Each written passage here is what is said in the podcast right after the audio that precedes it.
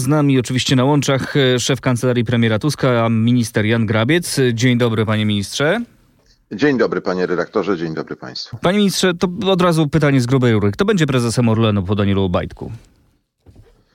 Prezesem Orlenu będzie na pewno fachowiec, e, bezwzględnie, którego pierwszym zadaniem będzie uporządkowanie sytuacji w spółce, no i sprawdzenie, e, jak te publicznie znane afery tak naprawdę się mają, jakie mają podstawy i ile ponieśliśmy strat, kto za to odpowiada. Nie chcę mówić o nazwiskach, no bo to domena Rady Nadzorczej czy ministra aktywów państwowych. Ale są jacyś ale... kandydaci? Ma, macie już w głowie jakąś listę, z której skreślacie tych, y, których odrzucacie? No, lista kandydatów jest przede wszystkim w mediach. Ja czytam czasem no właśnie. te nazwiska, które pojawiają się na giełdzie. No tak, Krzysztof ale... Zamasz, Igor Ostachowicz, Elżbieta Bieńkowska to są realni kandydaci? Nie, nie chcę. Chcę tylko odpowiedzieć, że duża część tych nazwisk, które pojawia się na giełdzie, e, to są nazwiska, które w ogóle nie przewijają się w jakichkolwiek rozmowach na temat e, prowadzenia największej polskiej spółki. Mhm. A kiedy to nazwisko y, poznamy? To znaczy pan prezes Obajtek y, w poniedziałek formalnie prezesem przestaje być y, i kiedy możemy spodziewać się no, zakomunikowania nowego nazwiska, nowego prezesa? No myślę, że to nie powinno być długo. Sytuacja w spółce jest bardzo trudna. E, wiemy o zarzutach ze strony polskich służb, bardzo daleko idących. Myślę, że jak najszybciej e, powinien pojawić się nowy zarząd i zacząć e, chwytać lejce w ręce, że tak powiem, i zacząć panować nad spółką. Zwłaszcza, że sam wiem również e, z analizy tego, co działo się w kancelarii premiera w listopadzie i grudniu, że bardzo wielu polityków, współpracowników polityków ze strony PiSu znalazło, czy szukało miejsca ucieczki właśnie w Orlenie. To była taka ziemia obiecana dla dla tych, którzy chcieli się ewakuować przed przyjściem nowej władzy. A Więc Daniel Obajtek i, i, mhm. i, wielu polityków Prawa i Sprawiedliwości broni się, mówi, że y, Orlen w, podczas rządów Prawa i Sprawiedliwości miał rekordowe, y, rekordowe zyski, wielokrotnie wyższe, jeżeli to by się policzyło, niż, niż, niż za czasów na przykład poprzednich rządów Platformy Obywatelskiej. Y, tak może zapytam w ten sposób, to chyba dobrze, że Orlen dużo zarabiał w tym czasie. Hmm. No, w, o, tym, o tych zarobkach będziemy rozmawiać, jak zobaczymy, jaki jest realny bilans rządów e, Obajtka w Orlenie. No, wiemy na pewno, że był to czas rekordowych marsz. E, po tym, jak Orlen uzyskał status monopolisty na rynku paliw w Polsce, wycinając kompletnie konkurencję, windował te ceny bardzo wysoko. Nie mówiąc o takiej niegospodarności, która jest widoczna gołym okiem. Po co spółce paliwowej zakup E, gazet regionalnych. E, no wiadomo, że działo się to przed wyborami, więc e, to mogło być opłacalne dla partii Daniela Obajtka, który nie ukrywał, że nie tyle jest prezesem firmy, co funkcjonariuszem PiSu. Mówił o tym wprost, przedstawiając się w ten sposób i że przyjmuje polecenia ze strony Jarosława Kaczyńskiego. No ale to nie ma nic wspólnego z takim gospodarnym prowadzeniem wielkiej firmy. Ja nie chcę mówić już o kwestii afery dotyczącej Lotosu, bo miliardowe straty przy tej transakcji, nie mówiąc o stratach e, takich strategicznych dotyczących e, sytuacji w Polsce na rynku paliw, jeśli chodzi o produkcję paliw po tej zmianie, no to są ogromne straty. I poza tą propagandą, którą e, słyszeliśmy z ust polityków PiSu czy samego Daniela Obajtka, no są fakty i liczby, które polska opinia publiczna pozna wkrótce. Panie ministrze, to jeszcze jedno pytanie o spółki i przechodzimy dalej do, do politycznych tematów. E, a kiedy prezesi w kolejnych ważnych e, spółkach Skarbu Państwa, w Enerdze, w Enei na przykład, to się będzie działo w najbliższych tygodniach? Rozumiem, że Orlen jest pewnego rodzaju priorytetem, no ale to wcale nie są mniej e, ważne z punktu widzenia gospodarki państwa polskiego spółki. Nie, ta zmiana następuje wszędzie, gdzie mamy do czynienia z niekompetentnymi zarządami albo zarządami E, funkcjonującymi na takim krótkim sznurku zarządzanych e, ludzi z Nowogrodzkiej, e, gdzie ta partyjność jest przemieszana z funkcjonowaniem spółek państwowych czy giełdowych. Oczywiście są przepisy prawa, które szanujemy, które wymagają decyzji również innych akcjonariuszy tych spółek, wymagają zwołania rad nadzorczych. To wszystko będzie się sta- działo stopniowo w najbliższych tygodniach. A czy jest jakiś, jakiś prezes spółki Skarbu Państwa, który może zachować stanowisko? No trudno, ja tak przebiegam w myślach e, nazwiska prezesów różnych spółek, e, ich działalności i przynajmniej z tych największych trudno mi wskazać kogoś, kto e, jest niezależnym fachowcem i który tę fachowość zachował, pełniąc swoją funkcję, ale być może są takie spółki o mniejszym znaczeniu, gdzie nawet tak zwana dobra zmiana nie dotarła. Nie wykluczam tego, ale no, raczej przez te ostatnie 8 lat poznawaliśmy nazwiska, składy zarządów, ludzi zatrudnianych czy na zasadzie cześć wujku, jak to z maili sekretarza generalnego niegdyś PiSu Joachima Brudzińskiego wynikało, czy na zasadach decyzji takich partyjnych czy frakcji partyjnych, które obsadzały te spółki po prostu swoimi ludźmi. Panie ministrze, zmieniając trochę temat, my w RMF-ie informowaliśmy, że do rządu ma wrócić Paweł e, Graś. Co będzie robił, jaką funkcję będzie pełnił i czym będzie się zajmował? No, Paweł Graś e, jest już szefem gabinetu politycznego prezesa Rady Ministrów. Będzie się zajmował organizacją pracy tej na, na, dotyczącej płaszczyzny politycznej wokół premiera. Ma duże doświadczenie w tym zakresie jest jednym z bardziej doświadczonych polityków, jeśli chodzi o funkcjonowanie polskich rządów, więc na pewno jego doświadczenie się bardzo przyda. Zwłaszcza, że ostatnie lata pracy profesjonalnej w Brukseli sprawiają, że, że jego doświadczenia też dotyczące polityki brukselskiej na pewno będzie można mhm. wykorzystać. A, a, a rzecznik rządu, bo my się tutaj często zastanawiamy, y, kiedy będzie rzecznik rządu Donalda Tuska? Czy będzie rzecznik rządu? To jest tak, że E, może tak, nikt tej roboty nie chce wziąć, czy, czy wy na razie nie macie takiego planu, żeby rzecznika rządu powoływać? Nie, na razie takiego planu nie ma. Nie wiem, czy ta sytuacja się nie zmieni, ale na razie e, ta polityka informacyjna organizowana wokół, jest wokół Centrum Informacyjnego Rządu, e, którym zarządza minister Agnieszka Rucińska, więc jeśli chodzi o kontakt z mediami, z dziennikarzami, pytania, to na pewno kancelaria premiera zapewnia tutaj e, dostęp do informacji. Co do samego rzecznika rządu, decyzję podejmie sam premier. Na razie mamy, powiedziałbym, trochę większe problemy w sensie funkcjonalnym czy wyzwania, które przed nami. Być może czas przyjdzie na tę decyzję później. Panie ministrze, czy cały rząd pójdzie do prezydenta 13 lutego na posiedzenie Rady Gabinetowej? Ja wiem, co mówił pan premier Donald Tusk, tak, że, że to zaproszenie zostanie przyjęte, ale czy wszyscy bez wyjątku ministrowie wtedy pojawią się u prezydenta, czy ktoś będzie mógł się wykręcić, dać usprawiedliwienie albo powiedzieć po prostu ja nie chcę? No to oczywiście zależy od decyzji premiera Donalda Tuska. E, oczywiście ministrowie pracują intensywnie, więc zdarza się, że czasem nawet podczas posiedzenia e, rządu, nie tylko Rady Gabinetowej, e, ministrowie bywają z wizytami zagranicznymi, kiedy terminy spotkań ustalane są w, w sytuacji tych relacji międzynarodowych. Natomiast no zawsze wtedy są reprezentowani przez wiceministrów, więc myślę, że w tym sensie rząd będzie w komplecie.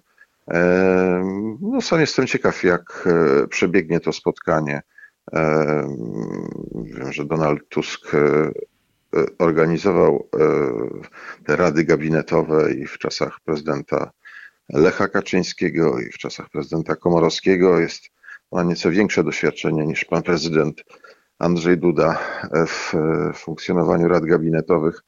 No, sam jestem ciekaw, jak przebiegnie to spotkanie. Zresztą ta sugestia pana premiera Donalda Tuska, że dobrze byłoby, żeby y, Polacy zobaczyli tego rodzaju spotkanie, żeby ono mogło być transmitowane, y, wydaje się jest tutaj taką deklaracją otwartości i, i woli pełnej współpracy. No ciekawe, jak na to zareaguje kancelaria prezydenta i sam pan prezydent, bo to jest akurat w pełni jego decyzja, czy transmitować to posiedzenie, czy nie transmitować. A czy w rządzie jest obawa... Oczywiście, prezydent jest gospodarzem hmm? tego spotkania. Tak jest. A czy w rządzie jest obawa, że prezydent Andrzej Duda będzie komplikował albo blokował pracę rządu właśnie? No, że pójdzie dalej niż wysyłanie ustaw do Trybunału w trybie kontroli następczej, e, tak jak zrobił z budżetem?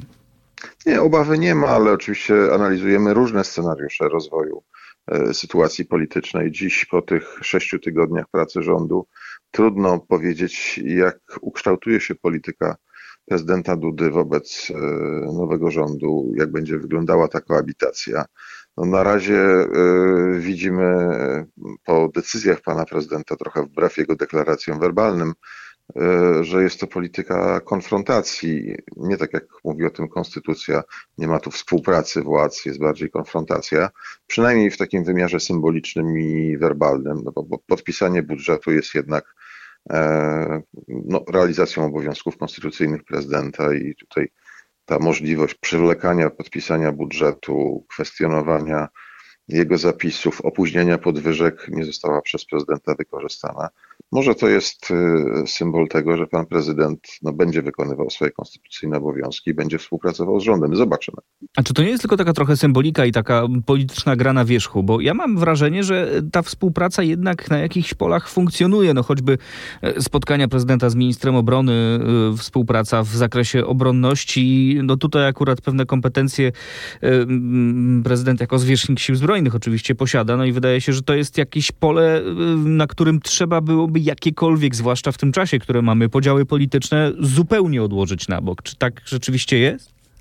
Oczywiście jest y, kilka tych pól, o których zresztą mówił premier i publicznie, i w spotkaniach z prezydentem Andrzejem Dudą, że, że chcemy współpracować. No, decyzją prezydenta jest to, czy będzie to y, konfrontacja, czy współpraca. To jakby pokażą nam najbliższe tygodnie. Naszą intencją na pewno jest to, żeby w kwestii bezpieczeństwa, obronności, polityki zagranicznej utrzymać e, spójność, e, zwłaszcza jeśli chodzi o cele, bo co do sposobów realizacji, oczywiście pan prezydent może mieć inne zdanie, no ale to rząd ma dziś mandat społeczny e, wynikający z niedawno odbytych wyborów do tego, żeby rządzić. Pan prezydent może wyrażać swoje zdanie, może wykonywać swoje konstytucyjne kompetencje, ale nie zmieni to polityki rządu. Minister Jan Grabiec, szef kancelarii premiera Donalda Tuska jest moim i Państwa y, gościem. Y, panie ministrze, o Trybunał Konstytucyjny chciałem teraz zapytać. Kiedy będą zmiany w Trybunale? W jakim zakresie i jak y, chcecie ich dokonać? No i od razu jakby rozwinę to pytanie, czy będziecie usuwać sędziów dublerów, ale też czy politycy tacy jak mm, takie nazwiska jak Pawłowicz, Piotrowicz, Święczkowski, czy oni, czy oni stracą swoje stanowiska w Trybunale Konstytucyjnym? No, tu mamy kompletny bałagan, jeśli chodzi o funkcjonowanie Trybunału Konstytucyjnego. Warto może przypomnieć, że od 2000 e, przełomu 15 i 16 roku w Trybunale mamy sędziów dublerów, czyli osoby, które nie są sędziami zgodnie z wyrokiem Trybunału, a próbują orzekać w różnych sprawach i przez e, przynajmniej Julię Przyłębską i tą, tą bardzo twardą, upolitycznioną część Trybunału są uznawani za pełnoprawnych sędziów, choć przez cały świat prawniczy i, i instytucje pozostałe, takie jak, nie wiem, Sąd Najwyższy w tej części prawidłowo powołanej, no, uważani są za, za niesędziów, więc y, mamy ten kłopot, musimy to jakoś zmienić, ale oczywiście mamy zapisy konstytucji, niezależność Trybunału Konstytucyjnego, więc najprostszym sposobem byłaby oczywiście dymisja sędziów, którzy nie są sędziami, tych tych sędziów dublerów, albo też e, no, zmiana konstytucji, która pozwoliłaby dokonać e, takiego restartu Trybunału Konstytucyjnego, tak żeby został on prawidłowo powołany, bo przecież Julia Przyłębska też nielegalnie została wybrana e, prezesem Trybunału, więc te zmiany muszą nastąpić e, i tutaj Sejm, rząd musi w sposób taki klarowny odnosić się do działań Trybunału. Zwłaszcza, że te ostatnie decyzje e, Trybunału Przyłębskiej, te, te takie orzeczenia, które powszechnie przez świat, świat prawniczy uznawane są za bezpodstawne, bezprawne, nieobowiązujące, no po prostu kompletnie e, niszczą autorytet Trybunału wypracowany, wypracowany przez ponad 30 lat. A czy jeżeli chodzi o te zmiany w Trybunale Konstytucyjnym, to, to czy to w ogóle, bo ja mam takie wrażenie, zresztą sam pan o tym powiedział, że jest gigantyczny bałagan prawny yy, i, i ta sytuacja jest tak zagmatwana, że jakby zawsze pojawią się opinie prawników renomowanych, yy, że to, co się będzie zmieniać, będzie w jakiś sposób niezgodne z prawem, niezgodne z konstytucją.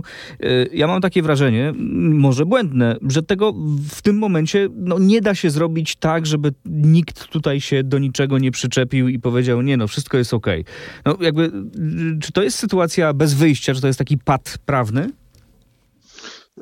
To nie jest sytuacja bez wyjścia, chociaż jest bardzo trudna i zgadzam się, że e, decyzje, które są, e, w których poruszamy się e, wokół tego prawa, które w dużej mierze zostało skonstruowane niezgodnie z konstytucją, jak zresztą brzmiały wcześniej orzeczenia Trybunału Konstytucyjnego, o, o czym mówił Sąd Najwyższy, czy Trybunały międzynarodowe, jest bardzo trudne. No, trudno przestrzegać prawa, które jest niezgodne z konstytucją. E, to oczywiście stanowi poważne wyzwanie, jak e, zgodnie z przepisami to zmieniać, ale ja pamiętam ocenę świata prawniczego, jeśli chodzi o funkcjonowanie Trybunału, sędziów dublerów, przewodnictwo Julii Przyłębskiej. Ona była jednoznaczna. E, oczywiście kwestia doboru środków do uzdrowienia tej sytuacji będzie wieloznaczna, bo na pewno będą prawnicy, którzy uznają, owszem, sytuację w Trybunale trzeba zmienić, ale może w inny sposób.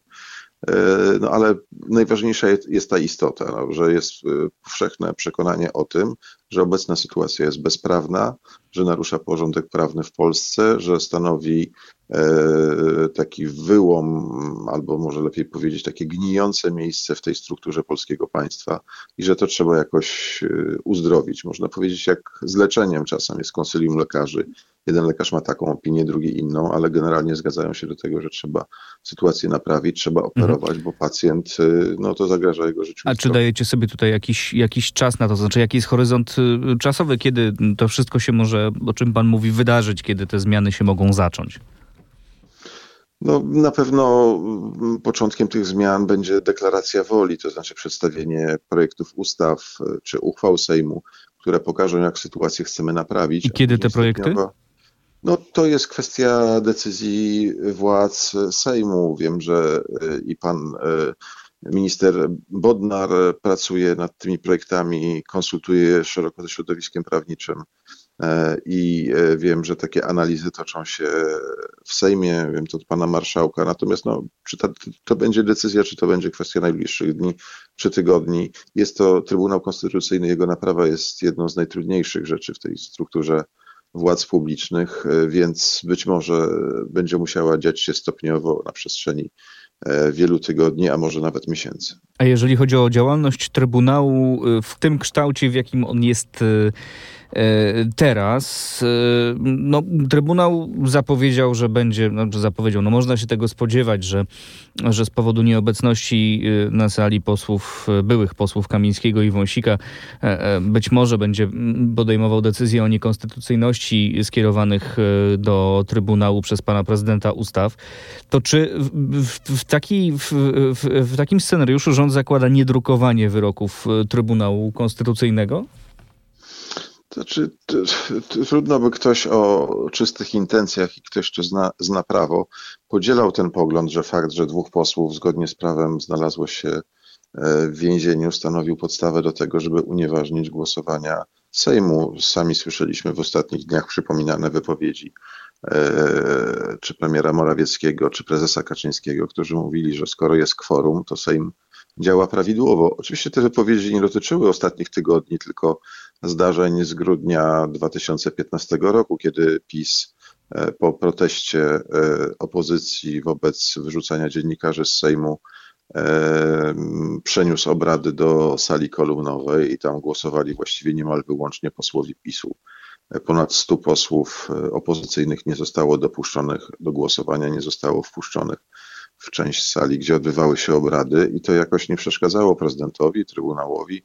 No zresztą brała w tym udział Julia Przyłębska czy Panie ministrze, no jakby wszystko jasne. Piotrowicz. Tak, no wszyscy sytuacje, znamy te zdarzenia. Sytuacje ale są różne, chcę, tak. Bardziej chodzi o ten tak, Trybunał i o to, jakie on decyzje będzie podejmował i jak rząd będzie do nich podchodził. Czy będą one ignorowane, czy będą te wyroki Trybunału drukowane, czy tutaj będziecie się wstrzymywać i, znaczy, mówić? Jeśli jakieś decyzje, Nie. orzeczenia czy postanowienia państwa zasiadających w Trybunale będą niezgodne z prawem, będą kwestionowały porządek prawny w Polsce, będą głupie po prostu, to trudno, żeby władze publiczne odpowiadały za współudział e, w tych nielegalnych działaniach i trudno, żebyśmy respektowali tego rodzaju decyzje czy, czy, czy ogłoszone komunikaty.